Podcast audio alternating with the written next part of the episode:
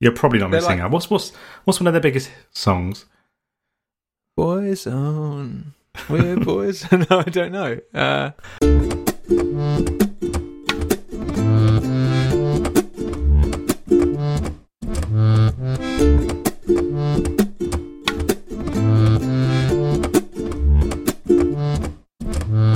Hi, I'm Chris. I'm Ben. And I'm Steve. This is Fireside Swift. How's it going, Ben? Have you recovered from the uh, the last couple of weeks? Uh, yeah, um, yeah. Sorry about that. You didn't actually mention on the show. I don't think why I I wasn't there. I think you I don't think any We didn't think noticed. that was. Im- we didn't think it was important to mention it at all. and this will come to a lot of people didn't even realise I wasn't there, which is uh, which is fine. This doesn't bother me at all. It's like uh, at least at least we're not missing anyone this week. That's all I'm gonna say. Uh, so um, Burn. Uh, yeah, Burn. I, I'm. Uh, I, I'm still. I, I feel like maybe like my my lack of motivation at the gym and things like that, and maybe it's just still due to the cycle to Brighton, which was just such an intense day, but a very fun one. And uh, I've barely touched my bike since, so uh, I need. I think kind of think I need another another big journey to plan for, so that it kind of keeps me, it forces me to keep in shape and keep going to the gym. So, for the Um, listeners, how many how many miles was that? I think we don't know exactly because I only started recording at Clapham Junction, so I think probably about sixty-four or so. Okay. And uh, my longest ride up until then was probably ten. No, no, no, it wasn't. yeah. no, because I did that one off uh, a few months ago to Malden, so that was twenty each way. So that was a forty. So we did we did a forty-two, which is in two segments. We had a big break in the middle. Which was a mistake because we got bloated, had a beer, drunk loads of food, and then had to do another 22 mile ride. Um, so yeah, I, I uh, tell a lie. So I've done that one big one, and then we did an extra 20, like five ish miles on top of that. Um, and it was just great fun. There was like a there was there was a a couple of guys at the side of the road. One was on the floor massaging his calf. Like this was uh, maybe like halfway into the journey, and we're like, oh my god! And we stopped, and it was like a really nice camaraderie to everyone you go along. It's oh, you're going to Brighton, yeah, like all the way. You might be thirty miles away, and you've still got that. And uh, Wow. talked to them. We kind of made sure they were okay and everything. Uh, see, seeing if they did any food or drink, um, and then we headed off our way. And then for the entire rest of the journey, we were crossing each other's paths. So we would stop, they'd go past us, then we'd catch them up, and then that would happen the other way round. And then just as we're coming down to Brighton on the last little stretch leading up to the pier, we all merged at the same time again, and we all just kind of rode there together. It was uh, That's cool. it was a really That's nice really cool. experience. And then uh, you get to the end and you have to take a picture with the pier. And I was there Mhm. thinking, well, we need someone to take a picture of us. And we gave it to this fella. And uh, he took them and he goes, I'm just going to go a bit further back. And I was just, please don't run off with my like phone, my caseless phone. And he goes, no, it's all right. I'm a police officer. I'm like, oh. That's, probably, That's that okay. He's be true. allowed to steal then, right? Yeah, a yeah, yeah. I'm confiscating your phone. Why have you got? um, so yeah, that was really good. And um, uh, uh, I'll give you a quick work update as well, actually, because this is probably the right time to do it. So I've got two weeks left on my contract. The Trouva app that we've just finished making in Combine and Swift is going to be released in uh, a week, so the following Monday. And um, I'm interviewing tomorrow for uh, Not on the High Street. I don't know if Steve would have heard of that, but Hef probably has. Mhm. Yeah. Yeah, they're like a Yeah, no. they're kind of a popular brand. Like most, like they're they're they're coming along to be household names because they're kind of like we've also got another one called Etsy. Um, so it's very Mhm. similar to Trouva, but instead of people just uh, instead of it being uh, a storefront for boutiques, it's actually a, um, a storefront for business um, businesses working from home, like making their own little custom things and then selling them on this because they're not on the high street. Hence the name. Ah, okay. Because So- I, I bought a few things off of Etsy before, so Ah. I'm familiar with that business model. So it's similar to that, is what yeah, you're saying? Yeah, I think it's Okay. pretty much the same. They're, I imagine they're kind of competitors, unless there's Mhm. something in the business model I don't understand. Um, Mhm, mhm. But I'll be back on UI Kit, I think, um, which which you know I'm in two minds about. I've kind of enjoyed my last time, but I'm not sure I can remember how to do table views and things now. Um, So yeah, I'm hoping that goes well. Like, there's a lot of contracts. Like, the market's really, really good for iOS at the moment. I think there's not a lot of people, and there are a lot of jobs. Like, judging by Mm. my inbox, um, Mhm. and I've kind of been turning them down because I really like the idea of working for not on the high street. So I'm hoping I can get another big name on my on my CV and do that for a few Mhm. months. Um, yeah, so that's my life. It's such a such an interesting life to go from contract to contract and interview as many times as you do. Um, I hate the interview process, so I I like you know having a job and sticking with it for many years because I just don't enjoy you know uh, putting myself out there and having to go you know subject myself through hours of interviews with like the sample projects and crap that you have to do. I, Well, I let's just compare interview processes because yours is that. Mhm. I would, and I would Yeah. hate that. Mine is a quick video chat, maybe for an hour, and you've got the job or not. Like that's Wow. it.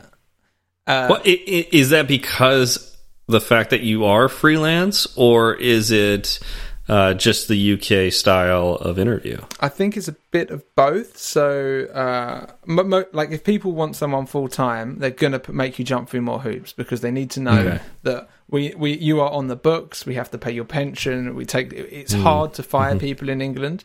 Whereas if Yeah. you're a contractor, you're on a week's notice. If they don't like you, uh, even though you'll get you, you know you're getting paid In a the lot. US, we're all at will employees, so it's very easy to fire somebody in the US, and yet you have to go through a multi-week interview process.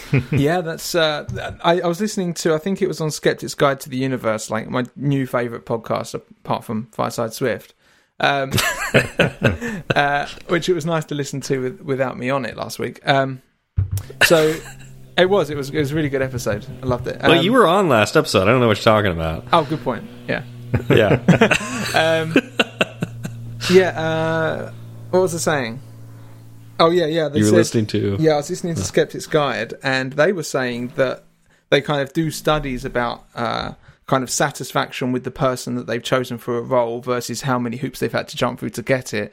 And there was almost nothing in it. Like it was barely like it was a rounding error that that it was. If you put them through more hoops, you're almost not more likely to get a better person than, That's really than just Yeah. ju- like than just a single interview. And I I can totally see that because if you make yeah, I could totally see that if too. you put me Yeah. through like yeah algorithms and things i'm not going to make it through but someone But with no social skills but all the algorithm skills will make it in and then you don't want them in your company it's like Yeah. Right. And I and I think back like it this does this hurts the interviewee and the interviewer. Like I've been doing a lot more interviews at work lately and it it takes a lot of time. You know, there's like at least the hour that I'm doing an interview, um, and then afterwards I, I have to talk with you know HR or the other person I was interviewing with. You know, like what what you think? You know, do we want to bring this person back and so on and so forth. So it takes a lot of time plus the preparation ahead of time is like you don't want to go into an interview it's a technical interview if you're going to ask them technical questions and not know the answers yourself. Like Yeah. so you gotta prepare ahead of time. And so it's like yeah it's oh man it's it sucks on all accounts. So are you actually are you doing interviews for tinder now? So yeah yeah i'm i'm part yeah i'm interviewing um you know not not just me solely like uh any any um I think any engineer in Tinder can be asked to be a part of the interview process, Okay. but I've noticed that since my my last promotion that like I've just been asked a lot more. So, So you won't be just like managing- once you get You won't be managing a team or, an, or anything. No, I'm No. not managing a team. Um, yeah, but I, I am in the senior engineer position, so uh, I think it's just it's expected of senior engineers uh, to to do a lot more interviews, and Sure. I've, I've asked to be a part of more interviews too. So it's like I want to help shape the company.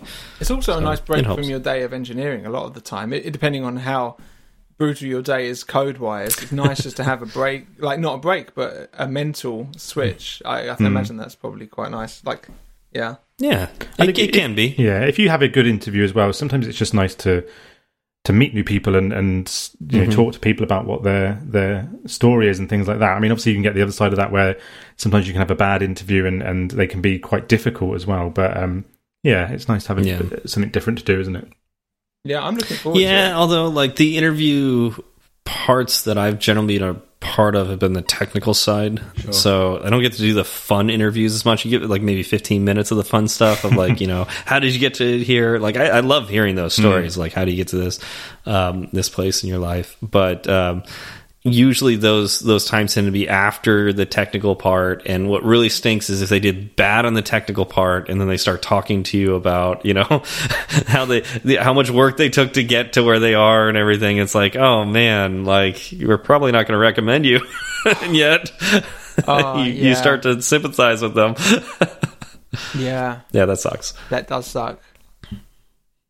It's tough. yeah, Yeah. but yeah it's tough Anyway. but it, yeah yeah it is it is it is an interesting aspect to the job for sure Anyway, how how are things going uh, your end, Steve? It's been a while. Pretty good. been a long time. It's yeah. Well, I mean, for me, it's only been two weeks. Um, oh, that's No, right. We we did I- talk we- like two we've weeks ago. spoken. Yeah. No. Well. Yeah. Uh, let's see here. Um, I'm. I, it's starting to. I'm, I'm moving into the new house in about a month, so it's like I'm starting to feel the stress of moving a little bit. Um, you know, calling movers and starting to you know do all the things I need to do. So it's just like I'm excited, but also like getting a little stressed about it. Um, you know. Um, yeah, it's, it's, it is what it is.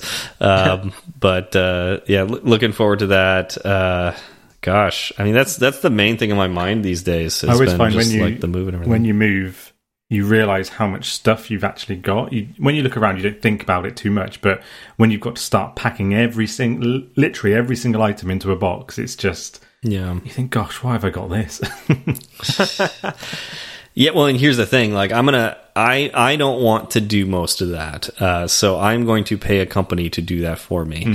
Um, Yeah. that's uh, and so that was one of the things I did is I I got a quote and you know had to do like a FaceTime call where I walked around my my apartment and showed them stuff. They wrote it down. And they came back with you know the quote for it and it was like wow that's that's expensive.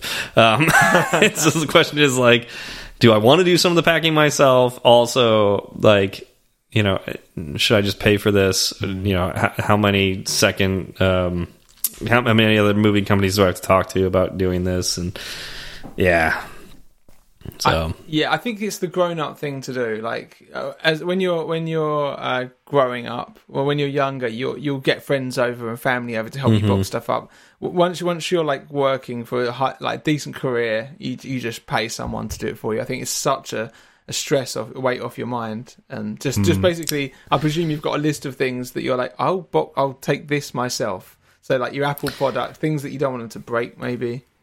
yes and no. Like, I, here's the thing. Like, I've got probably literally the smallest car in the world, and you know, outside of like a smart car, you know, and even then, I, I would guess you probably have a little more storage space in a smart car than you do in my car because my my trunk is so small. So I almost can say I literally can't take much. Um, uh, so that is something that's on my mind. Is like I'm willing to pay a little bit more for a company that will take care of my stuff. Yeah. because I kind of need to. I don't have a big car. Well, like over here, like Um, whenever you move, you just well, for the most part, you just rent out a van from a local van place, and you, you Right, take yeah. that for the day. But again, you're you're probably not going to do it. I'm not going to do that. I'm going to have these Yeah. people, you know, take care of the whole thing, you know, Right. beginning to end.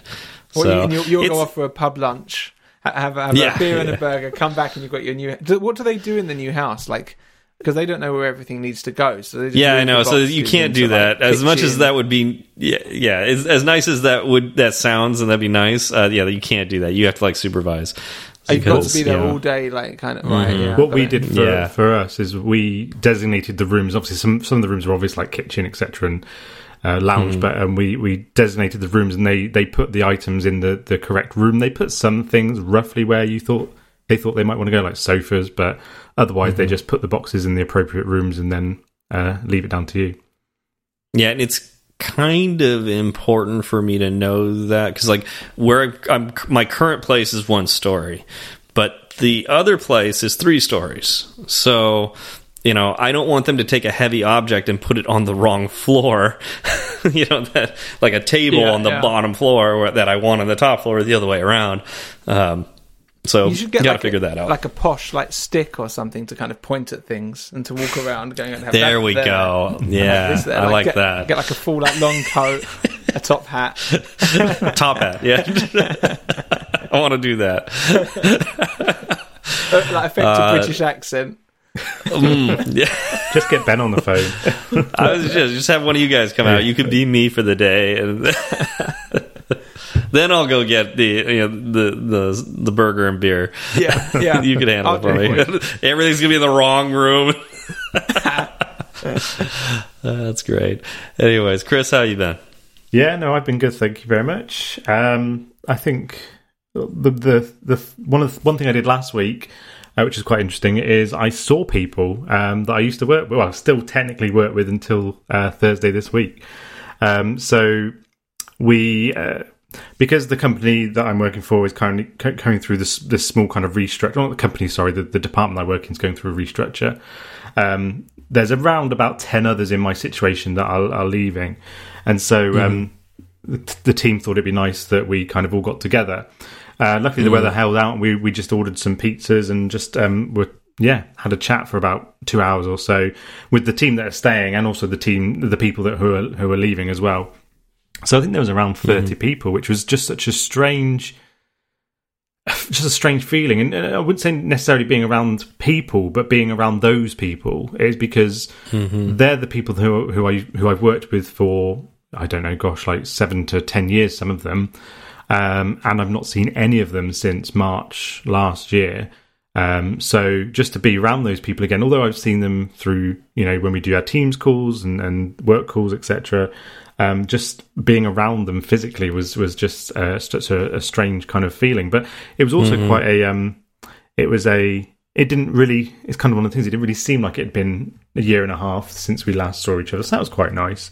And and my, mm-hmm. I, I was I was happy in a way because my manager had said at the time that they're not going to do any kind of goodbye speeches or anything like that. Which, to be honest, I would have been. I, I, I kind of cringe at those things. I've had to do them for people who've left my teams in the past, and they just they hmm. they just end up being a bit awkward. So it was none of that. It was just pizzas, having a chat, and you know we know you're leaving, but goodbye and kind of good luck. And I think one of the things that mm-hmm. was most kind of um, strange as well is not just being around the people, but also the building. So it's the we went to the building that I've worked in for 12, 13 years, and I had a quick wander around and kind of you know just had a look at a few places, and that was kind of strange as well. So, um, but I think it was quite it was it was it was a nice thing to you know. I'm glad I went because I was debating about whether to go because it's a kind of a an hour and 40 in the car to get there and an hour and 40 back. So it was a bit of a trek, but um, it was definitely worth it. I'm glad I, I went. Um, so that was kind of the work thing. And, and yeah, like I just said, um, I've got four more days. So we're recording today on the Sunday. My last day at my current company is on Thursday. I've got the Friday off and then um, start my new job a week on Monday, um, which is just, um, yeah, crazy, really. Wow.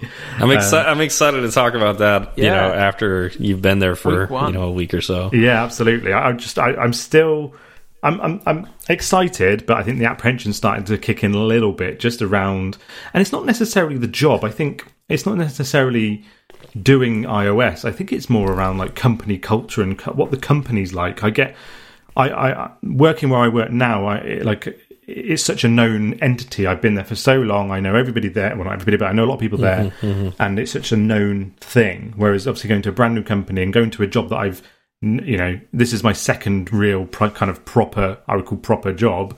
It's just, um, yeah, a bit of uh, anxiousness around all that, but you know, I'm, I'm really looking forward to it as well. I'm still holding out for the the equipment. I'm really looking forward to getting the equipment. Um, I'm hoping it comes next week because I need it. But um, yeah, M1. Yeah, you kinda need that, Come yeah. on, M1. I know. Yeah. I'll be sending pictures when I when I get when I get it. Definitely. I want Um, a disappointed picture of you next to an Intel Mac. I'll let you know for sure. Um, other than that, the only thing I thought I'd mention is my. I've been talking about this for the last well, few months now. It has been um, my um, my update for the app, Yeah. my AdSense. Um, so it's currently waiting for review. So I submitted it last night, the build last night, and it's not it's not in review yet. But it is the weekend. It tends to be a bit slower over the weekend, so I imagine it'll probably get looked at maybe on Monday um, and hopefully approved. So that will be pushed out to the App Store. It's still not perfect, but it's it's hmm. probably. I was kind of getting to the point where it was like it was doing it now does exactly what it needs to do in terms of getting the new the data from the the, the two new versions of the APIs. Um, Mm-hmm, but You, I guess scope creep kind of happened, and I kind of introduced I introduced like you, a you're, support. you're scope creeping yourself. I know this is, this it's is a not nightmare good. already. Your your own product manager.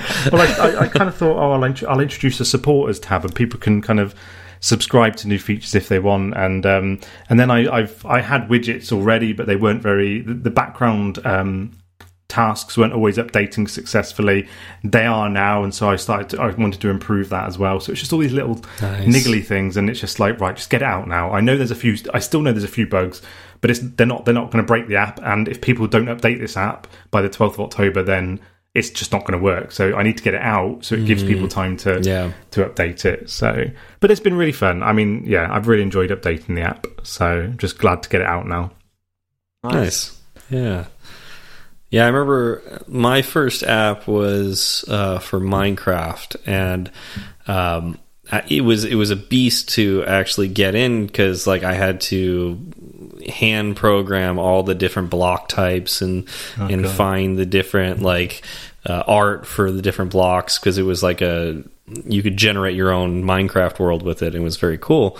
Um, but I remember like very shortly after I had put out put out the app, of course Minecraft has, you know, a team of people working on it and they had updates that were coming out and I had this idea in my head like, oh yeah, I'll just update it with with the the rest of the team and yeah, shortly thereafter, it's just like I did not get to do my updates like I expected to. Um, yeah, it, it is kind of funny how like how much work it is to do updates, especially when you are reliant on a third party like that. Where in your case it's Google AdSense, in my case it was Mojang um, with with Minecraft, and it, you don't get paid any extra for that. Yeah. so it's it can be tough. Yeah. you know, to find the time to do that. Absolutely. And I think, like I said, it took a lot longer than I expected. And I think if I just stuck to the API updates, it would have been quicker. Um, but it still took a lot longer than I expected. And, and my, na- my, my concern now is naturally, now that I've updated it, I've made it better than it had was previously. So if there are enough further updates, it, it will be easier to do. Um, But if they do another, if they if they if they deprecate that API again or that version of the API again, I'm not going to be happy anytime soon. so um, Yeah. hopefully they don't for some time. But you'll be so Yeah. like entrenched in iOS development full time that you'll do it. You'll probably find that it takes you like a blink of an eye to to update. The, Yeah. Like you'll be so used to working with endpoints and and changing things that it might over time it will get ho- well depending on the change of the uh, of the actual API because they could make it completely different and then ruin your life. yeah. Here's the thing: like I, I found that when I started a full time iOS job, doing iOS in my like working on uh, my own projects in my spare time became harder hmm. because it was just like I didn't want to continue my workday at night anymore.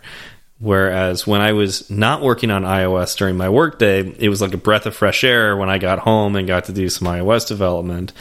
And so, yeah, it, you might be better at developing an iOS because you've got the full time job. That doesn't mean it'll be faster or easier to do it. Yeah. because now you got to fight yourself and your own desires. Yeah, okay. Yeah. On motivation uh, side of things, you you really probably won't want to do it. Um, Yeah. yeah. Anyways, uh, I think we have some follow up, and uh, Ben, would you like to uh, kick off Oh, our, our follow up? Okay, so the first follow up. This is this is from someone called uh, Joe Cab. It says, "I felt terrible when I didn't realize until the end when you mentioned it that I didn't realize Mr. McSwiftface wasn't on this episode." It's a crying emoji. I could have sworn he answered you at the beginning when you were discussing his head. I love that he gets through the entire episode not realizing that you weren't in the episode at all. I mean, if, we, if I- you hadn't mentioned it, we, it may not have even made it to his spreadsheet, which is inevitably like going to make that on. Yeah, yeah. I know, right? Right. And, and here's the funny part. Like we had we had an almost after show where we were talking about pineapples and how to grow pineapples and that's where that right. that comment came from was that you know oh ben's having a kid i wonder if he reproduces just like a pineapple it's like oh yeah let's cut off his head and stick it in the ground and grow a new ben yeah i thought i was going to get a really hard time for for uh for not making it because I, he was messaging like Jordan was saying about it's my fault for not having enough electrolytes and things like this on the chat. I was like, oh no, okay. And then when listening to the episode, he didn't. I don't know if it was worse that he didn't even care. Like, I think we got about two thirds of the way through. We thought we hadn't even mentioned it yet. yeah, yeah, yeah, yeah. So um, thanks for that, guys. Feel really needed and wanted. Um, and yeah, you came back. Jacob, I came, yeah, I still came back. You can't get rid of me that yeah. easily. Um, it's all, all, three of us this week. Um, who wants? Uh, wait, is there another? Is this unrelated? This one? It's unrelated, but yeah. you can uh, go uh, ahead and okay. Uh, introduce it. Um, when Jordan No Handle not sure who that is, mentioned demoing a certain way to avoid known bugs. It reminded me of Steve Jobs. Oh, I thought the same thing. Uh, it reminded me of Steve Jobs doing the same thing when he debuted the iPhone, which was uh, still very much a beta. Yeah, uh, I did think that when listening to that, and I'm surprised that no one went, "Oh, just like Steve Jobs did with the iPhone, it only ha- the happy path is the only path that works." There are no unhappy yeah. paths, and uh, and yeah, so yeah, yeah, it's, it's a really good point, and uh, I think it's incredible that someone like Apple has to do that. Like, it, yeah, you're not alone. The biggest company in the world releasing their mm-hmm. debut world-changing device had to do it like that, which is just stunning when you think about it. I think yeah, even, well, it's, even it's, now when I um when I'm using kind of an Apple created app, and you you notice like mm-hmm. a I don't know UI issue or uh, some data not received correctly, etc. And it reminds you that even a, com- a company as big as Apple aren't going to make it perfectly every mm. time. So you know, if I if I'm beating myself up because I can't do something correctly um, in that moment in time, then you know it's not it's not the end of the world kind of thing. Here's a question. Yeah. Is- well, it's also just going to let you know that like live demos can be and and are a little scary mm. because you know unless you practice ahead of time and you know what that happy path is if you are demoing to you know several people to millions of people, um, you know, it can have an impact. I, I, remember with Face ID how crazy a feature that was, and Craig Federighi up there, you know. failing it failing twice for him mm. and he just like casually puts down the phone grabs another one and unlocks immediately but even that tiny little thing there which had an explanation for it caused a bunch of people to you know not trust Face ID for a while. Yeah, uh, that, that was just that was a particularly interesting one because it took a long time, uh, like before I really understood what had went wrong, and then I was surprised that he didn't know.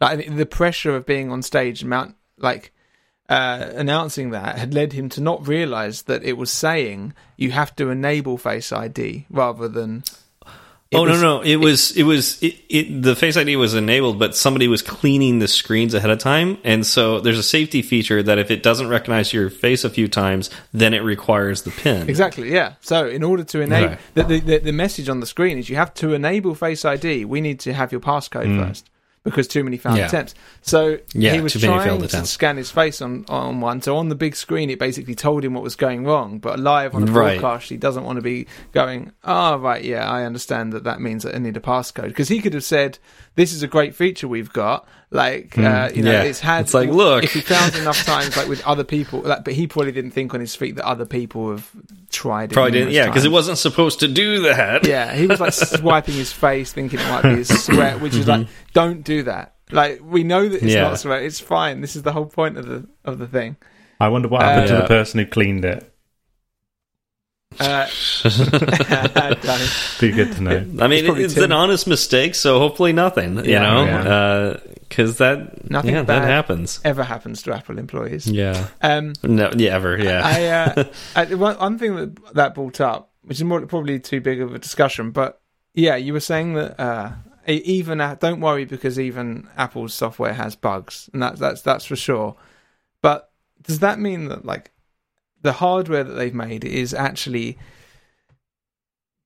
more like it, hardware is effectively easier to get right and consistent than it is for software? And I think that's because like you you find that your phone doesn't necessarily have bugs that aren't iOS related, if you know what I mean. Like the actual the actual building of a perfect glass. This is this is a much larger this is Yeah. a much larger Yeah. discussion. But I think I think, however, it does have an easy, easy answer that yes, like software is far more complex than building like an actual. Oh, bit of I hardware. no, I would I would Oh, not really? say that We'll at come all. back to eh, this. especially yeah, especially because I I worked in a lab where we did hardware development. It's just hmm. the thing is you can't change it once you've put out the hardware, whereas you can change it when you put out the software. And so hardware tends to go through quite a few more checks before it gets released, um, because you can't you can't fail. So it's effectively know. kind of it's more it's more that it's all the bugs are ironed out before it's given to users because there's no going back. Yeah. That's You yeah, there's no going back. Like you can't you can't recall that phone and fix it and give it back to the person that was there. Um, you have one chance to get it right. Yeah, you could have the same philosophy on software. Like if you had the same philosophy on software, you could end up with software that is as right as right. And i was there was an engineer i worked with that um, i don't remember what it was called but it was an extreme uh, philosophy of programming where you were not allowed to with this philosophy you were not even allowed to compile your code until you believed you were done. And you can only compile once. So you know it was that a hardware style. So it's like you you wrote all your code. You you got in front of other people. You checked it. You double triple checked it. You knew every like every input and every output. You wrote everything.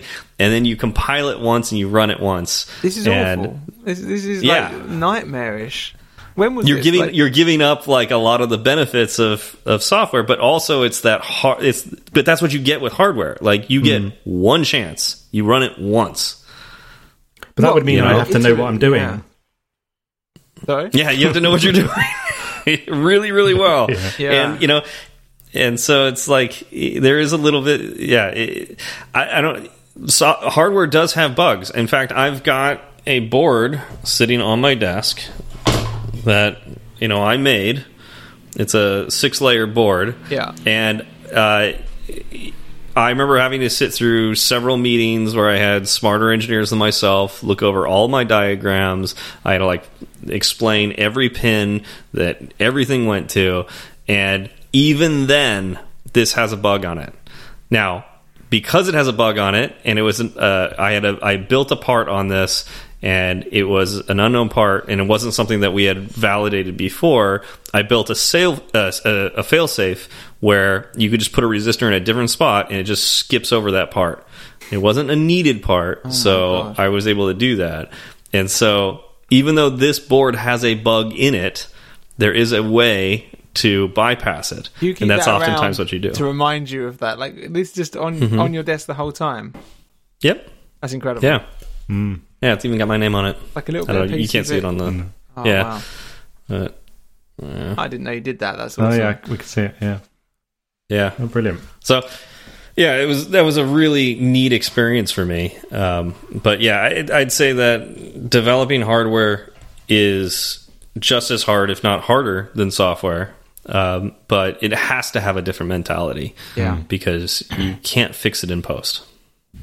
Mm. Interesting. Anyway, we, I think we managed to do that without a whole episode. And are we on? Are we on to the next? Uh, oh, well, well, unless if you had something to say, but if you want to move, otherwise we can go on to the next. No, no, you go ahead. Um, Jason Mitchell. Okay. From this episode, I've uh, what was it? What was the episode about before we? Just remind me of that. I know I was there. It's how to showcase your work to potential. Oh yeah, Employers? Yeah. Oh yeah, that, yeah. That was interesting. Okay. Um, from this episode, I've learned I need to change my name. I, I learned I need to change. Oh no, yes, it's Jason Mitchell. So there's Yeah, no, Jason. So there's no. so there's no confusion if people are asking about JavaScript object notation or me. That's great. Yeah. Yeah, I mean, I, I like the, it- I like the tweets that were going back and forth on this. Like uh, we needed a, a JSON decoder Yeah. Yeah. uh, instead of a JSON decoder. Yeah, that was. Uh, yeah, what, what can I say? Yeah, he's right. Don't you don't want to be called. That is an unfortunate name to have in this line of work, or if your name's like Swift or something. Um. Yeah, Uh. oh, That's Jason Swift. That'd be pretty great. Jason Swift's an awesome name, isn't it? Yeah. Um, Even if you had no interest in iOS, you just have to get into iOS development when you. yeah. Right. Right. Okay. Yeah. Anyways, uh, so Ben. Oh, damn it. Yeah. Hi. Yeah. So, so Steve. So uh, you you enjoy painting, right? No. No. Not at all. this is news I, to I me. enjoy painting uh, bridges with Poly Bridge that I've been playing all the time recently. okay. I guess that qualifies. Okay. Uh, if, if you need me so, to uh, enjoy painting, yes, I I, I love painting. For this to work, no, no. Let's go with the reality here. Uh, so, you, what you're saying is, you uh, not only do you not enjoy painting, you're terrible at painting. Um, Yes. and and so you should not be left in charge of of choosing like um, colors or anything like that. that's right. Yeah, I'd say that. Right. Okay. Yeah. So, um, how on earth did you paint that poly bridge uh, bridge that you're you were talking about? Um, I, I I did it with with uh with my Apple Pencil and my finger by drawing wooden structures and uh, and roads and and things like that, and it's kind of yeah. Hmm, okay. All right. But but obviously it went poorly, is what you're saying. Well, my Um, bridge, I think my bridge's structural integrity is quite high. To be perfectly honest, um, But you, I thought we just talked about how you're terrible at making these choices. oh man, this is getting confusing now. I, right, I'm not good at yeah, colours and things. I, I'm not. I'm not so good at.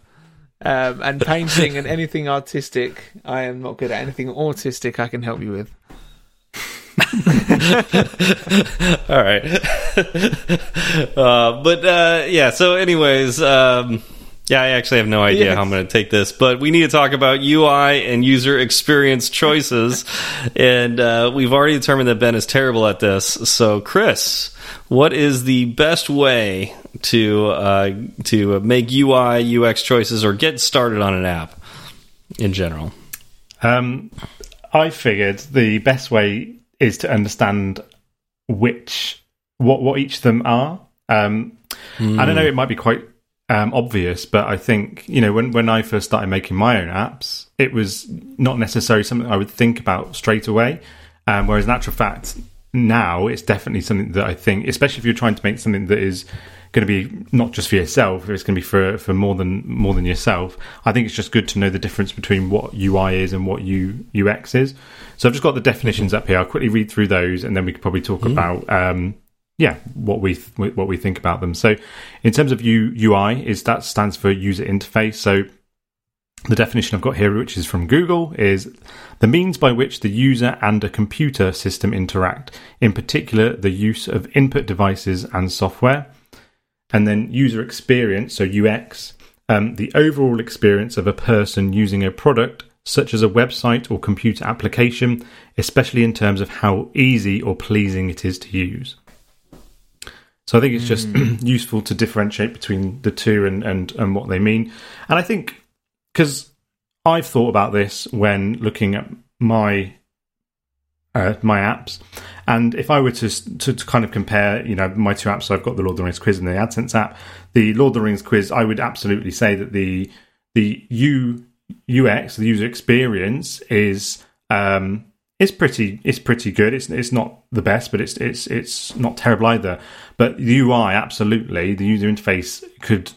You've got the buttons you can tap, but absolutely, it's probably not something that I would probably rate in terms of something that I could produce produce right now. And and and that that all goes down to the fact of and, and going back to your question, Steve, what would you do?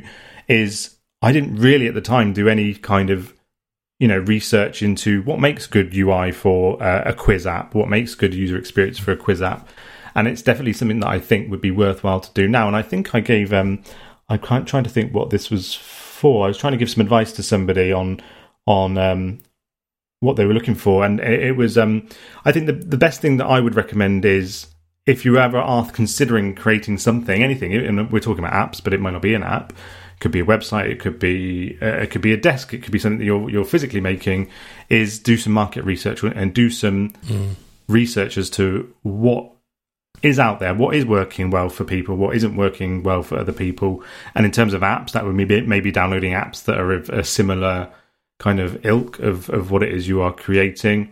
Um, and you know, you can draw from things that you personally like, um, but then also maybe going out there and, and, getting some ideas of what other people like as well. I think would be very important too.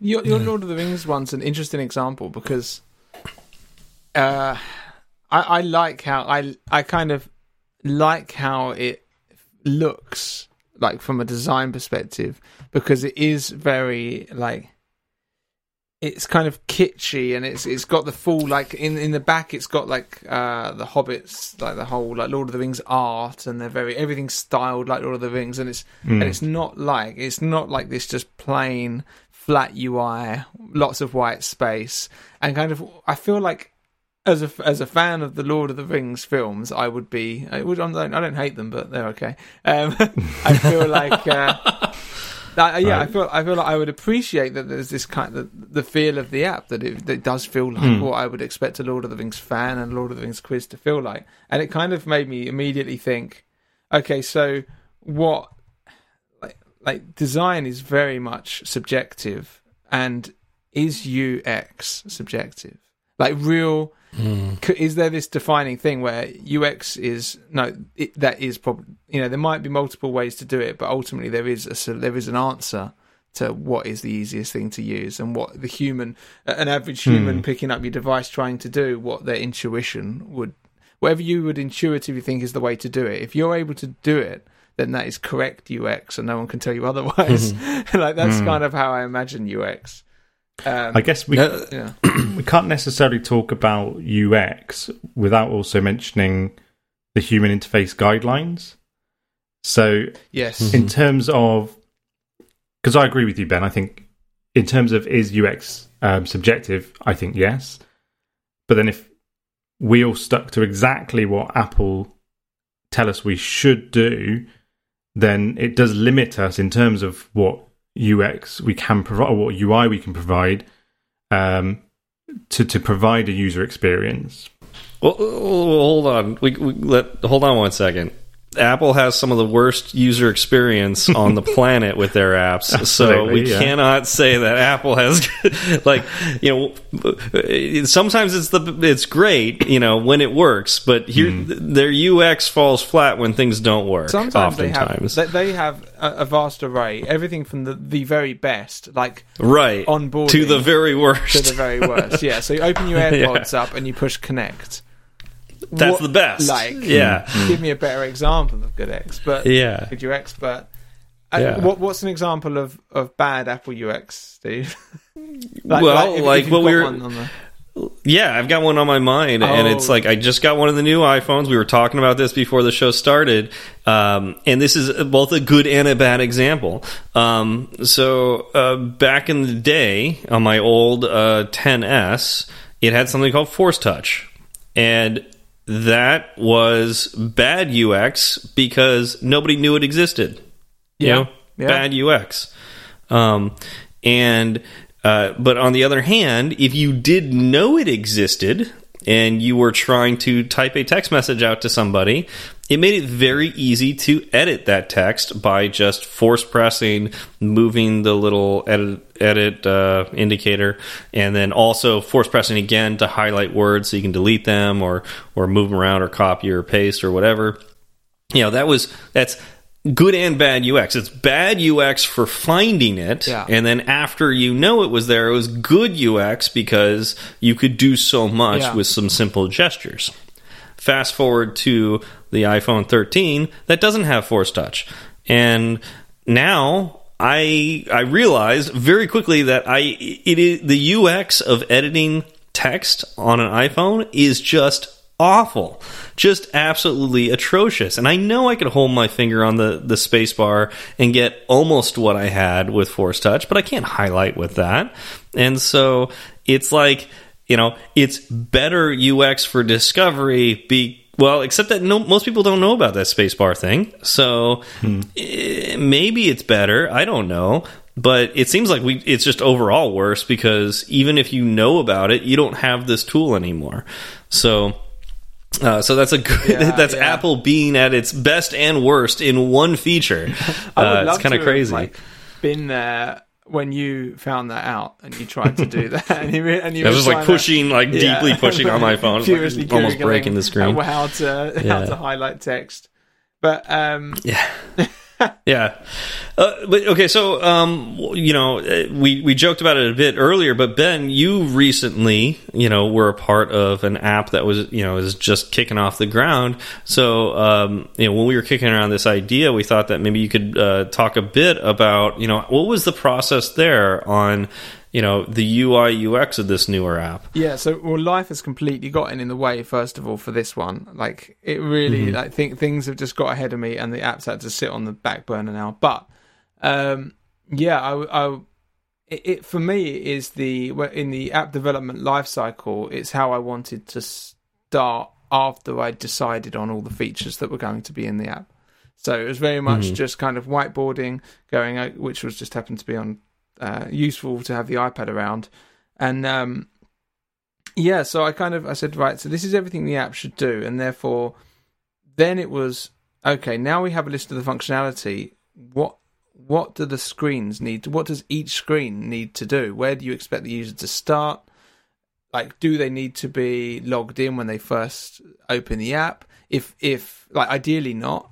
Like you want to have as fewer friction kind of steps uh, as possible, which is one conversation I had with the team in, in, my current role. Just saying, can we can we just I just tried to advocate for removing the whole onboarding and saying let the user hmm. find the product that they want once they've logged in because they need they will need to log in to to buy. Then after the login, take them through a, an onboarding because they're invested in the app at that point.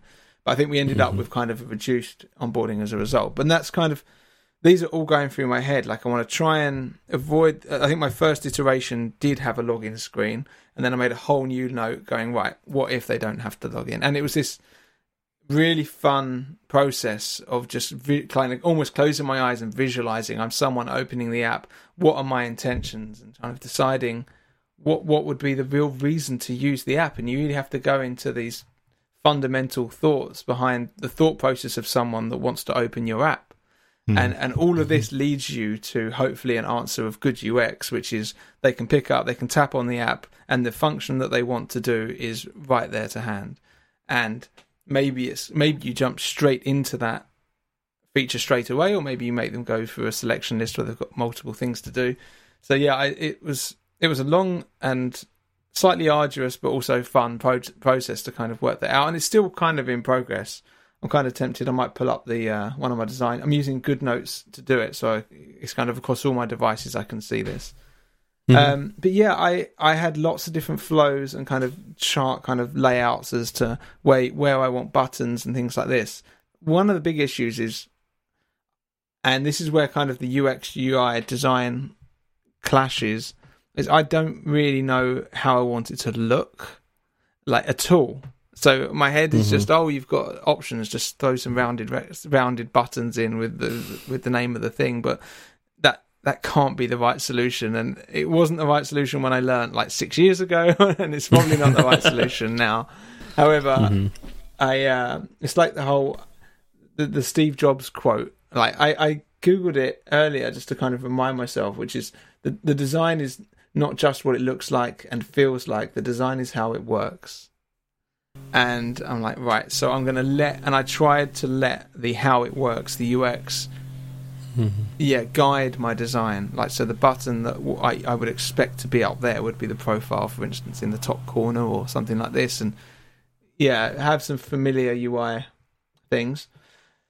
Um, yeah, so it's been interesting. There's one other point before I finish on this. We had to do uh, my last month has been making a checkout. So it's so it, most every single e-commerce app like has a checkout, a very similar one, Mhm. and it was just and we ended up making it very similar to another app, who I, I shall not give the name of the app, but uh, like all, but then then the conversation arose: how many? I think our designer said, how many ways are there to do a checkout? Hmm. And I, and at that point, it was just it's just an interesting discussion to have. It's like I, I don't know. I imagine probably, and it may be an infinite amount of ways, but ultimately, you need to take the delivery address. What method do you mm-hmm. want? And give me your card details, and then there's got to be a pay button. So you end up mm-hmm. like uh, you don't want to reinvent the wheel. It's got to be easy for someone, but at the same Right. time, like the Amazon's app is kind of almost it's got the best and worst examples of checkout UI. Like you can go onto it and say buy now, and it brings up a little mm-hmm. sheet that has the entire thing in it. It's great. And Yeah. then you just swipe Yeah. to place your order. However, if you decide to go through the checkout route, you get a whole different experience where you've got scrolling and all sorts. So it's it's weird how they've got these two contrasting and like It's Yeah. interesting as well. I think it doesn't always necessarily um, equate to it, just because you've got a, a, a, a bad say say for example you've got a bad um, UX um, and even also even a bad UI it doesn't necessarily equate to usership. Um, I'm thinking um, eBay app. I don't know if either of you used the eBay app, Yeah. but I, I found it awful. I think it's, it's just terrible. um, but obviously, eBay is one of the probably well most well known um, auction sites out there. So it doesn't mean it necessarily that they're going that it's going to equate to usership. But then I suppose you know eBay probably had a head start with um, the.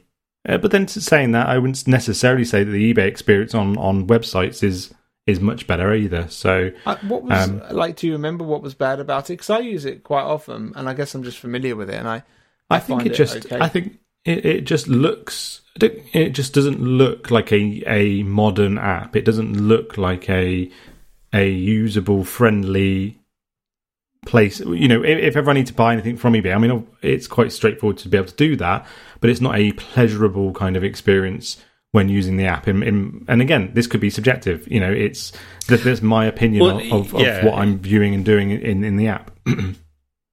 It's it's obviously very subjective, um, and I- I, I think that's one of the things we, we really need to you know talk about a bit here is you know UI is obvi- obviously subjective, you know uh, because you know now we're talking colors, we're talking fonts, we're talking you know you know how everything looks on the screen, what kind of background you have, so on and so forth. But user experience, while uh, Ben was trying to make the the case that it's a bit objective because either you figure out how to do this or you don't, um, that is all based on what you have learned. What, what what's your culture? How old are you? Um, you know, uh, a lot. I, I remember seeing at AltConf. Um, a presentation of Chinese apps and what are expected in Chinese apps versus American apps, and it is a vastly different user experience. Um, also, you know, like along those lines, um, in China, if you use green, that generally means stop, don't do this. Whereas if you use the green color in you know US and UK, that usually means good. This is go. Yeah. This is what you want to do. Um, you know, you should do that. You should use red in China. And you know, so it's like obviously user experience is very subjective. Um, could I could I know, caveat it with it's objective to your targeted user base? Yeah, so that's I think it, it's very psychological. You have to know who your target user base is. Let's take Snap for example. Example, Snapchat. Oh. You know, um, a lot of people would say that Snapchat has a terrible user experience, right? I cannot Like, use it. I am I am not a person Right. who knows how to use it at all. and you, yeah, and you're not the target market for it. So, Yeah. Is it bad user experience? It's bad user experience outside of their target market, but the target market, you know, Gen Z, um, it has, they use it all the time, and they have figured out all the little shortcuts and things, and it makes them more productive. So they would consider the user experience. yeah, Like, it's not just because you've worked it out doesn't make it good. It's not part of the game. It's not like But- can but- you use but- this app? Yeah, I remember listening to A- um, ATP a while back, and John Siracusa was talking about how just like iOS, the user experience of iOS, um, it, it's a it's a rapidly different uh, user experience than like what uh, you know the older generation grew up with on uh, well, and we grew up on with the Mac, you know, where everything's in folders and, and things like that. It's like you know. It, at first you couldn't have uh, swiping up from the bottom on on iOS to go home because like gestures had to be taught on the first iPhone. You had to have a big bulky physical button to go home because people needed to have some familiarity with it. You had to train you have to train user experience sometimes. So um, it's a really yeah. good point. Uh, like oh, here's another example like hidden options on table views um, you know how often is, are, are vital um, controls hidden behind a swipe you know that you just didn't know existed so Mm-hmm. Yeah. you know uh, a trick that um, some designers and, and developers will do for like a table view is that little bounce to show you something's behind Yeah. this if you like if you swipe on it but you know oftentimes there is no bounce because that's that's a pain to program yeah, It is a it's pain to- non-native, to- and it, yeah, I, It's I not- yeah. wouldn't want to be assigned. Of, I don't want to be the person doing that. It could be Yeah. it could be a fine line as well, isn't it? So in terms of how intrusive you want to be to the user experience as well. So I've downloaded apps previously where you get an onboarding process and it's about six or seven tabs or pages long and you just want to get into the app at that point. You, and I think Ben, you mentioned about what at what point do you start that kind of onboarding process. Um, but yeah, you can you can go through, you can download an app and it will try and tell you it will try and tell you how to use the app. But I'm in the mindset of I just want to get into the app and, and have a play around first. Let tell me how to Yeah. use it later. Let me have a go 1st and if I can't figure out certain things, I'll, I'll have a look later. So, in terms of what do you do to indicate to to certain to users, um, it, it can be it can be a fine line, and I think also that also depends on you know what is your target audience. Somebody who is somebody a bit younger might take to these things a lot easier than somebody who's a lot older using the app. Um, so you know it is a very difficult line to to kind of tread, isn't it? It really is. And have uh, I, an example of bad UX. Have either of you used the Xbox One? yes. Yeah. Yes. Yeah. I agree. Is it just is it just me that? Oh my god, I, I hate it. Like Yeah. You're talking about the entire the entire user User- interface. user well, there, interface. there are a couple of nice little happy paths. Like if you push the uh, the Xbox button during a game and push X, it will do a recording of your game. Great, that, that's nice. Oh, I didn't know that. single Yeah. thing.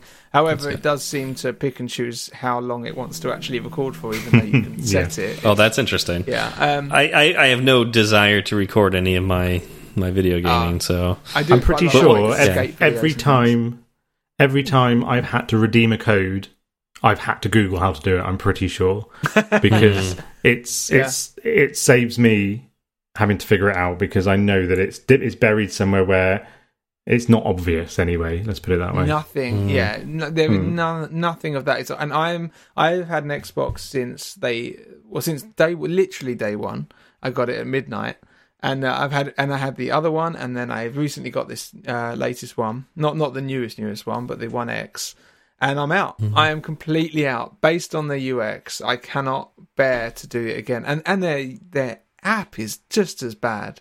Like it's a worse offender and uh, and and for me, yeah, that's that's an example of nuclear UX where it completely ruins the you. I've had such a bad experience as a user. I'm le- leaving a twenty year long relationship with that brand, and I want nothing more to I do with remember. it. Yeah, I'm curious if like the competitors have, is better because I remember last I looked at PlayStation, I thought it was a worse user experience, but that that was a while back. That was like the PlayStation Four. I guess we're on five now. Um, Yeah, I said so that. I wonder if the user experience has changed. yeah, my but, friend said that to me earlier when he's an Xbox person trying to convince me to get an Xbox, and Mhm. he goes, "How do you know it's better?" And I go, "I don't. I will have to try it." Like at the time, I'll go and see because I also haven't used the new. I presume there's a new interface maybe for the new Xbox. I'm not sure, but it can't be worse. It was just just things just when I download something. How do I get to my queue? And then when you're on the queue, just seeing how to do anything, and and they've almost forgotten that things like take time to do. So if you go into friends and then you push invite, it doesn't have any sort of it, like loading in. They just don't have any loading in indicators anywhere. it just maybe in five like five seconds it'll pop up saying you've invited them. But in the meantime, you're sitting there, kind of like having anxiety that you don't know if, if that button's.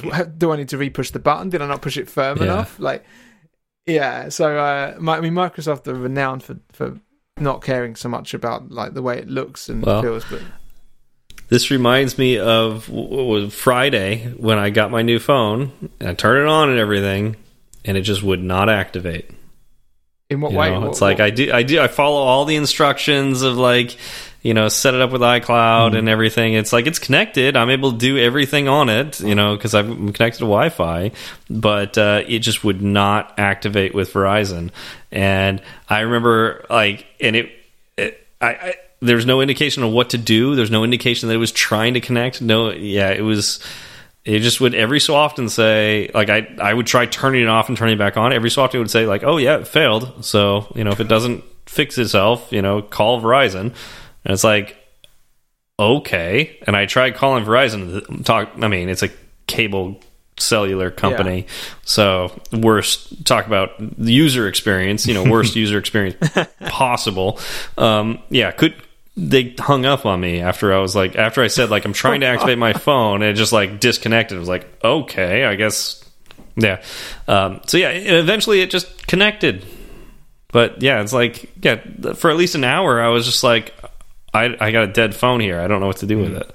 Now, Um, yeah, I think that yeah, that's a very different kind of user experience to what we're thinking about, kind of suggesting that our uh, But it's it, but it's address. But it is part of it, though. It's it's the idea that if you have an app and it's doing something, let your user know that it's doing something, and maybe give them some sort of recourse if it fails Yeah. or you want to try it again. Um, that is a part of it, like asynchronous code. You know, things that that tasks that run asynchronously.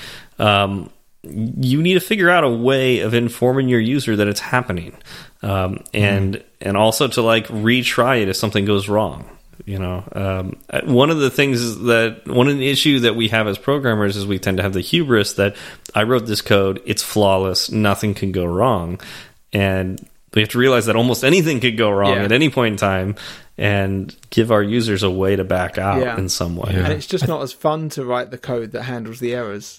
that's Yeah. Right. that's what I did. Like I, my Apple Pay, I, I'm aware at the moment that I've uh, got an Apple Pay PR that's been approved that has no error handling for certain states.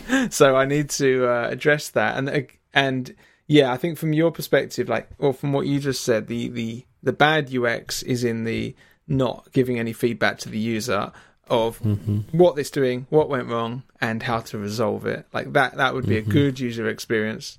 And I guess Apple dropped the ball on that one. That is, there- it Mhm. falls at their feet. Interesting. yeah Sorry, F. yeah No, no, I was just going to say No, very, very similarly. Uh, I've, like I said, been refactoring this app, and um, almost ninety percent of the time that I've been spending on it has been focusing on the success cases for. Okay, this network's this network has been successful. Right, let's do this with this information, etc.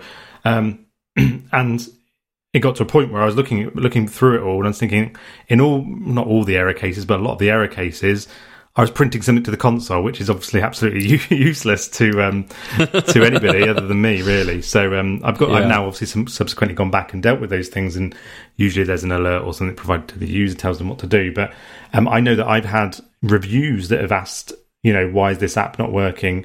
Um, I mean, I say that there's not many of them, but there are a couple. So, you know, absolutely. And, and I've with this version, I've I've made some changes as well with the the login. There's not much. Uh, the app uses sign in with Google, and if that fails, it doesn't. Google don't really provide much. So um, I've had to create like a custom alert that will provide some information to the user, what some some potential workarounds. So. Um, so yeah, just those types of things that will hopefully provide a better user experience uh, for um, those users. Mm. And having Yeah. the right co- and in those messages, like copy is very incredibly important as well, which is another Mhm. key part of UX. Does the but does the text relate exactly what that button does and what this error is, and it doesn't have any jargon in. People are going to understand what you're talking about. Uh, yeah, yeah. It's, it's reminds reminds me of like the classic example of like a UI alert that yes, it has such like yes and no as like the the options, and either one of them could work Yes. based on like how you interpret the wording of the alert. so the the recommendation is to have like a uh, like more explicit buttons like cancel or, and load or you know save or something like that for you know the yes and nos. Yeah, that way it's very explicit what what happens when you select Yeah. one of those as you- opposed instead to of yes saying and no. like, uh, "Are you sure? Are you sure you don't want to save?" or something like that. And- yes. Oh, yeah. Yeah. Uh, You're like yes or no, and like, oh my god, I don't know. yeah. Anyways, we're running a bit long, uh, and I, I feel like we could continue to talk It's just, further, this is just us but bitching about like bad UI, UI UX for the most part now. yeah, I know. I can yeah, exactly um, because we um, it, bad examples of UX are everywhere, um, and I'm, and I'm sure we can find people. some. That's a crucial thing. UI rarely pisses people off because that's it's to do with that's not really how it works. It's going to work if it works and doesn't Yeah. look great. You know, it's Jira. Yeah, Like Yeah, that's a good point. The perfect example. Although some people don't like how Jira works either, but but they Yeah. it's another matter altogether. We've been using one Yeah. called uh, Clubhouse, which has recently changed its name to Shortcut, I think, and it's like no, it's like a didn't know they modern the. Jira, and it's fantastic. I Mhm. highly recommend like people that are looking to do a bit more of like a Jira thing without having to use Jira. That's Yeah, yeah, shortcuts worth checking out. It's it's awesome. I've heard good things. Although, although Yeah. what they're doing is the same mistake everyone makes, which is trying to add more. Like we're going to add in iterations, we're going to add in epics, and it's getting bloated and it's getting more and more difficult to use in in the the months, even in the months I've been working on it. okay, So Yeah. that, and that's inevitable because you have to you have to release more features. It has to do more. It's like you know, right. we well, got- and if you want to meet what like most like a lot of companies have their requirements of their process, and if you've got an app that is trying to meet several like they're trying to expand their market to not just like small companies but like companies that have an established process well Yeah. you better accommodate for that process yeah, so and they're always yeah, going to expand to like they're going to make their UX and UI fit for the people that give them the most money. this is true and then, and then you Yeah. don't necessarily like everyone, all the rest of us just have to live with it. yeah. Well, you know, I- would have liked to spend more time talking about this and talk about like some of the roles that uh, companies employ for UI and UX, and we didn't quite get into that. So maybe we have another episode about this later, because you know, product managers play a huge role in this. Uh, you have designers that play huge roles in this, and the engineer also plays a huge role uh, in deciding UI and UX, even in larger companies. Um, so I wanted to kind of dive into that, but uh, I, I think we are running. I won't say low on time Yeah. because, as uh, as you've said many times, Ben, we we don't need But to stop. You know, but Um, it is getting late. I, uh, oh, yeah, I, I was wondering um, maybe if we know anyone that is a UX person, it'd be very interesting to talk to them because I rarely get to Hmm. have like long form conversations with someone that does that, and, and I've met a few decent people that do it in the in the past. Maybe worth considering. Yeah. So if you know, for those of you listening, if you know somebody who, uh, if you are a UI UX person, so a designer or product manager, uh, and you, or even an engineer that really focuses on UI UX, get in contact with us. Um, and uh, you know, Chris, Ben, if you know somebody that uh, you'd like to invite on the show too, you know that's an option as well. Yeah. So, and I'll, I'll think of somebody as well. So, That'd be fun. yeah, and Jordan, if you're listening too. Uh, By the way, Jordan's not here today. oh yeah, Speaking of UI UX, uh, we shifted over our uh, what's it called? provider for our uh, who's hosting or uh, host. That's right, the host of our episodes uh, to a new provider. Uh, we are no longer using Squarespace. We decided to shift over to the more appropriately named Fireside.fm. Um, that is so. Fireside Swift is hosted by Fireside.fm. So good. Unfortunately, we do not own that, um, but we are we are giving them money to uh, to host our, our podcast. But uh, this should lead to some more quality of life improvements for us uh, when we are publishing the podcast. Um, we get much better analytics from uh, from Fireside.fm as opposed to Squarespace. That isn't really like Squarespace doesn't really care about hosting podcasts. I think um, it's worked well for us, but obviously we ran into that 100, 100 episode limit. Uh, I was able to up it to 200 episode limit, but you know that there's a point when it's like we're gonna hit that cap too. Um, and it seems like I don't. Chris, do you remember Fireside doesn't have a limit on episodes, right? I haven't seen anything they? mentioned about one actually. Um, I'll have a, a, proper look, but I've not seen any mention of one. No. Okay, but there's definitely a lot of quality of life mm. improvements for us uh, with Fireside.fm uh, as far as publishing goes. Uh, so I'm looking forward to using them in the future. Um, but that being said, just like the last time we transitioned hosts, uh, there were some issues. Some of you have mentioned some issues on Twitter, and I think we saw it through uh, Slack and some other ways that people got in contact with us about duplicated episodes and some episodes that were missing. Um, I think we've got most of that figured out, but There's if two episodes just still pending, I'm, I'm currently talking to Fireside FM about sorting those two out. But otherwise, they're episodes okay. 132 and 122. So from series one, anyways, season one. Okay. Okay, so well, hopefully we'll get those figured out. But if you uh, if you're listening to this and you see some episodes episodes that are a little wonky for whatever reason, let us know and we'll see what we can do. Um, but yeah, just you know, bear in mind that we're doing that, and uh, you know, it's kind of exciting for us. But um, yeah, anything more to say about that? Nope, nothing about that. No, no? good. Okay. We do have a shout out this week. Uh, Chris, would you like to read this one? Yeah, absolutely. So it's a, a five star review from Silviu Nicolai from Romania. I've probably got that wrong, so sorry about that. Um, the title of the review is Keep Up the Great Work and it's short and sweet. Love this podcast. Great discussions and topics. So thank you very much. I agree with you. Yeah, thank you. Nice. I like that short and sweet. Uh, yeah, can't think of a better description for it. Thank you very much. And Romania as well. Very cool. Mm. Yeah. Who have almost Let's the, see this is sorry, I was oh, going to say it's almost the exact same flag as Chad, but with a slightly different uh, hue of blue but it's almost really? almost imperceptible to the to the human eye. It's like a very very slightly different navy. I'm gonna have to check that out.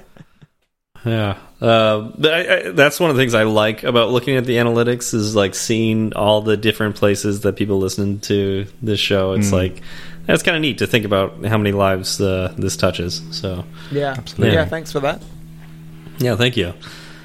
Uh, don't forget that we do have a Slack channel and a live show. Um, most of the time, we find all our equipment when, we remember. Uh, yeah.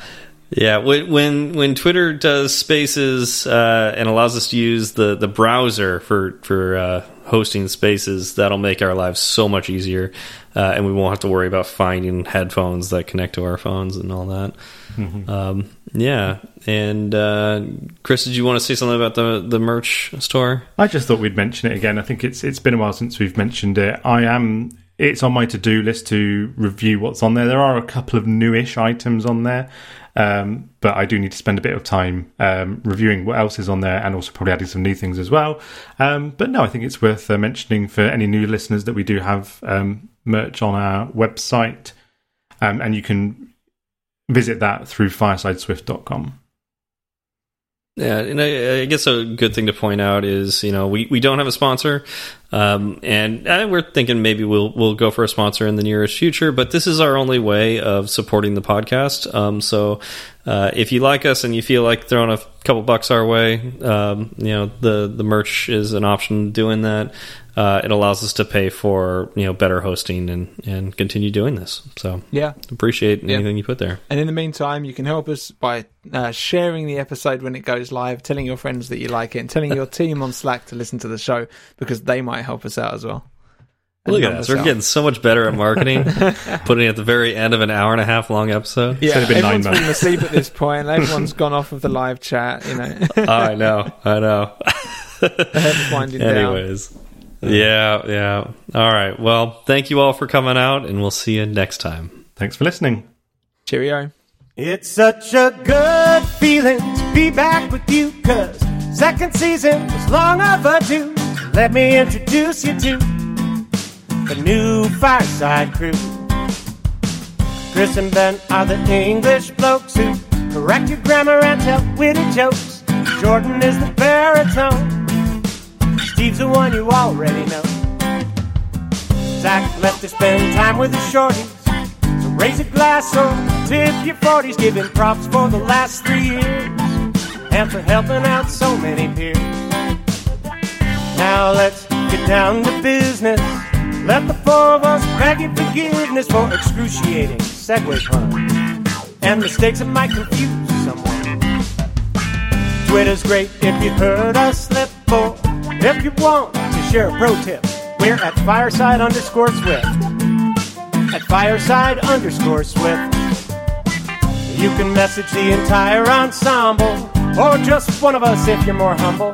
We'll leave our handles in the show notes for you, and get back to you real soon. If your message is a little too long, there's firesideswift at gmail.com and firesideswift.com. Firesideswift.com. If you like the show, leave a review. If it's five stars, we'll mention you on the very next show we do in a fortnight or two.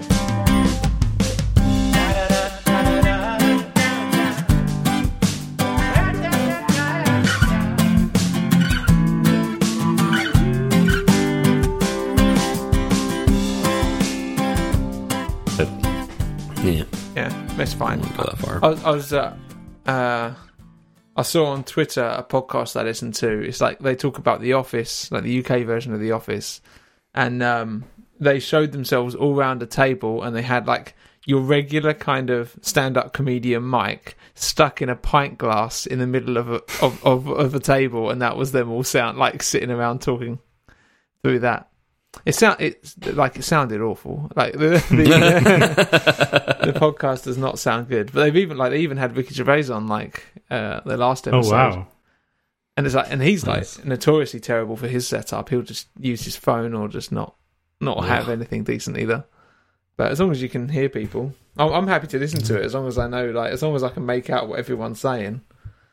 I don't It's really, like I You know, remember. the, I- I, I remember the um when I first list, started when I first started listening to Fireside Swift, and Mhm. I think I accidentally listened to a, a a more recent episode, and obviously a more recent episode when I first started was like episode forty or something something like that. So I thought, oh god, I better go back and um, listen to the first episode. So I went back to listen to the first episode, and I genuinely thought it was two different people. I thought these can't be the same people because the the quality of the mics were just so different. So bad. Yeah. that's hilarious. Yeah, it's kind of I, it is funny to listen to like probably the evolution of the show from that because I mean we didn't know what we were doing at all. Now it was at that point it was the same mics. You know, did you just spill on yourself? That's why I was guys? just giggling I- out. yes, quite a lot. Uh, it was the same mics, but you know, just just learning how to audio engineer voice, you know, using Logic. Um, it- it- when I when we first started, I think we were using the the product called Cast. I think it was called. Um, was the name of like our hosting service, and I it also has like some minor editing tools in it as well. So we just we just used that like it was just like you know i just cut the the audio didn't equalize anything no filters you know so sound was in you know like the noise was just awful it was in there everywhere we didn't know anything about gain and yeah oh gosh so all the echoes and pops and ugh yeah, that stuff was in there. So yeah, and then it's just it is funny to probably think about like all the different things we learned like as we went to make the audio better. And it was mainly because I would I would listen to ATP and like one of the reasons I listened to ATP it was one of the first podcasts that had quality sound to it, hmm. and it was on a topic that I liked. Whereas like the other episodes or the other shows I would listen to were on topics I liked, but were awful sound quality, so I couldn't listen to them. Yeah, so I knew So you'd have never listened to was. Fireside Swift. Never. Yeah, there's no way. oh, good point. Yeah. You may notice behind me, like I, uh, I cleaned, I cleaned my office uh, a week or two ago, which which meant we've got a storage unit and most of the stuff has gone into that now. And Nice. as soon as I came back in, I was like, "Oh my god, I can't record podcast in here anymore. It's just so echoey. I can hear Yeah. like, every, all my walls are now clear." So Sally's like got her own like little sound uh, makeshift sound booth thing that she uh, does, and like I've taken one of her walls and like balanced it across my shelves behind me, and then over that I've draped um, a fluffy, uh, Yeah. yeah, one of these Yeah. sheets, just like a what do you call it, a uh, blanket, like a yeah, like a Yeah. fluffy blanket. So it's got lots of fine edges to it, and I feel like it's massively dampened the room now. So hmm hopefully it won't be as bad as it otherwise would be. But this is a new addition. While the office is clean, I'll have this up. Yeah. Yeah, I'm curious. I haven't even figured out where I'm going to put the office in the new house. Um, I'm guessing I'm going to use the, the guest bedroom um, and probably put my office in there. Uh, but yeah, that's an interesting thing. Like it, it- when I first move in, it's going to be empty. Hmm. So it's going to be empty walls and everything. So we'll see how that goes. Do you know when I first moved to where I live now? So I I, I live um, in a four bed house. So we, we were previously in a four bed house where we used to live, but we moved down. We moved south from where we were living, and generally in the UK, the further south you go, the more expensive it, it is. And um, we we considered when buying because we knew we were going to be um, having to uh, pay for a, a higher mortgage that we considered downsizing to a three bed house. And we, we've got, so I've got my- myself, my wife, and two kids. And we kind of thought there was, there was this one house type that we were looking at that had like a space that was like a, almost like a walk in wardrobe.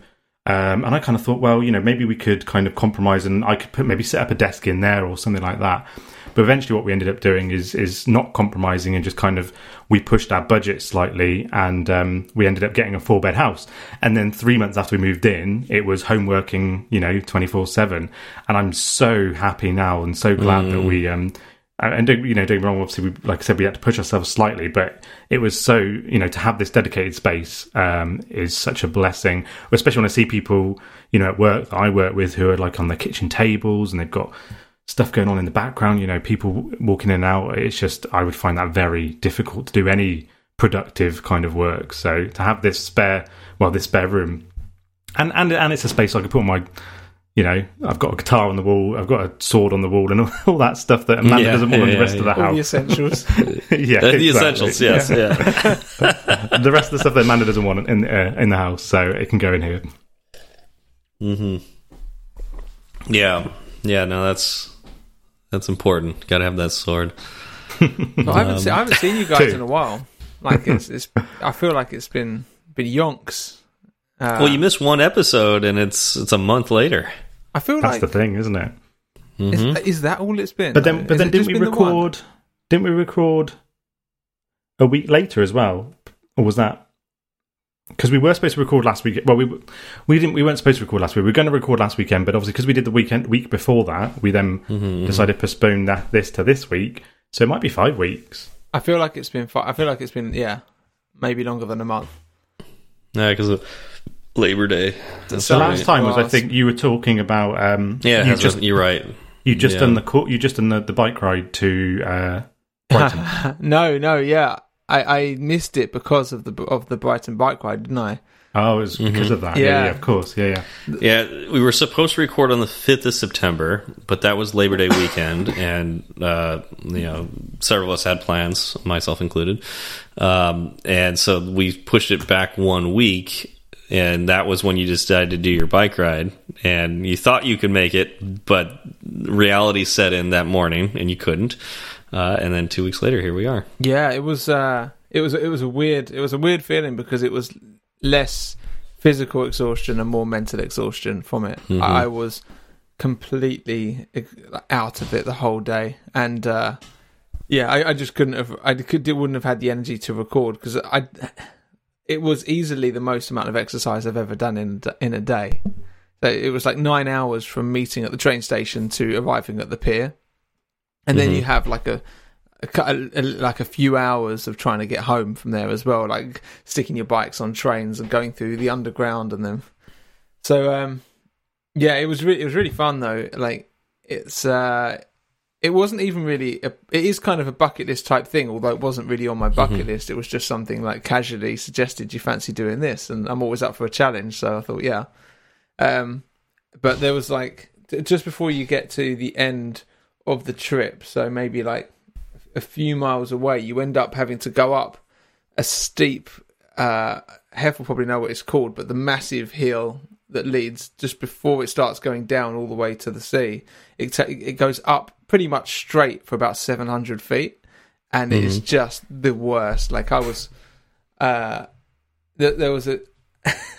uh, we were stopping. I was stopping like maybe every 50 meters, getting off my bike, catching my breath, waiting for my heart rate to go down. And then when you jump on, back on your bike, you feel like you feel fresh. You're like, wow, I can go all day. and then 20 seconds later, you got to stop because you can't move anymore. And it was just that the whole way up.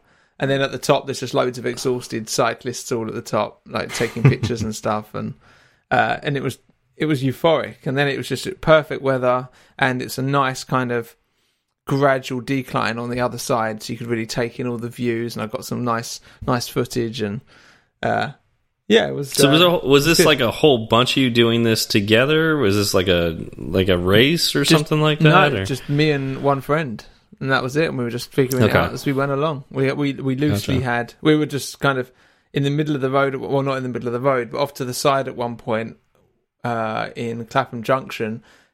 Just realizing we didn't have decent, we didn't know what app to use. We didn't have the, the correct directions, so we were there just like calling people, figuring out what to do. And you have to use this like bike DTX app or something, and then import a, a route into it, and then it will take you. But yeah, it was a, it was a whole thing. And then my phone ran out of battery, I think, and we had to switch over to the Android later on. It was uh, it was in, it, yeah, it was great. It was it was really good fun.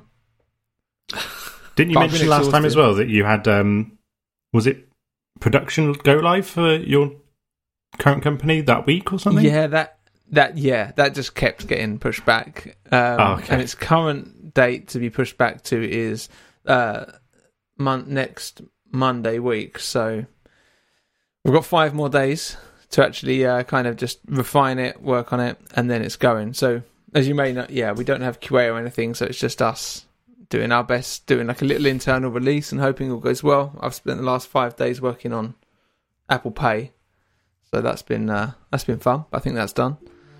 Uh, yeah, I'll, I'll, I'll talk. I might I might address that a bit later on. Hmm. Okay. Alright. or earlier on if this makes it into.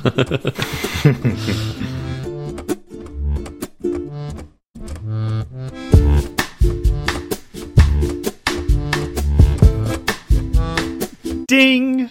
That's for that's for Mr. Mc- McSwiftface.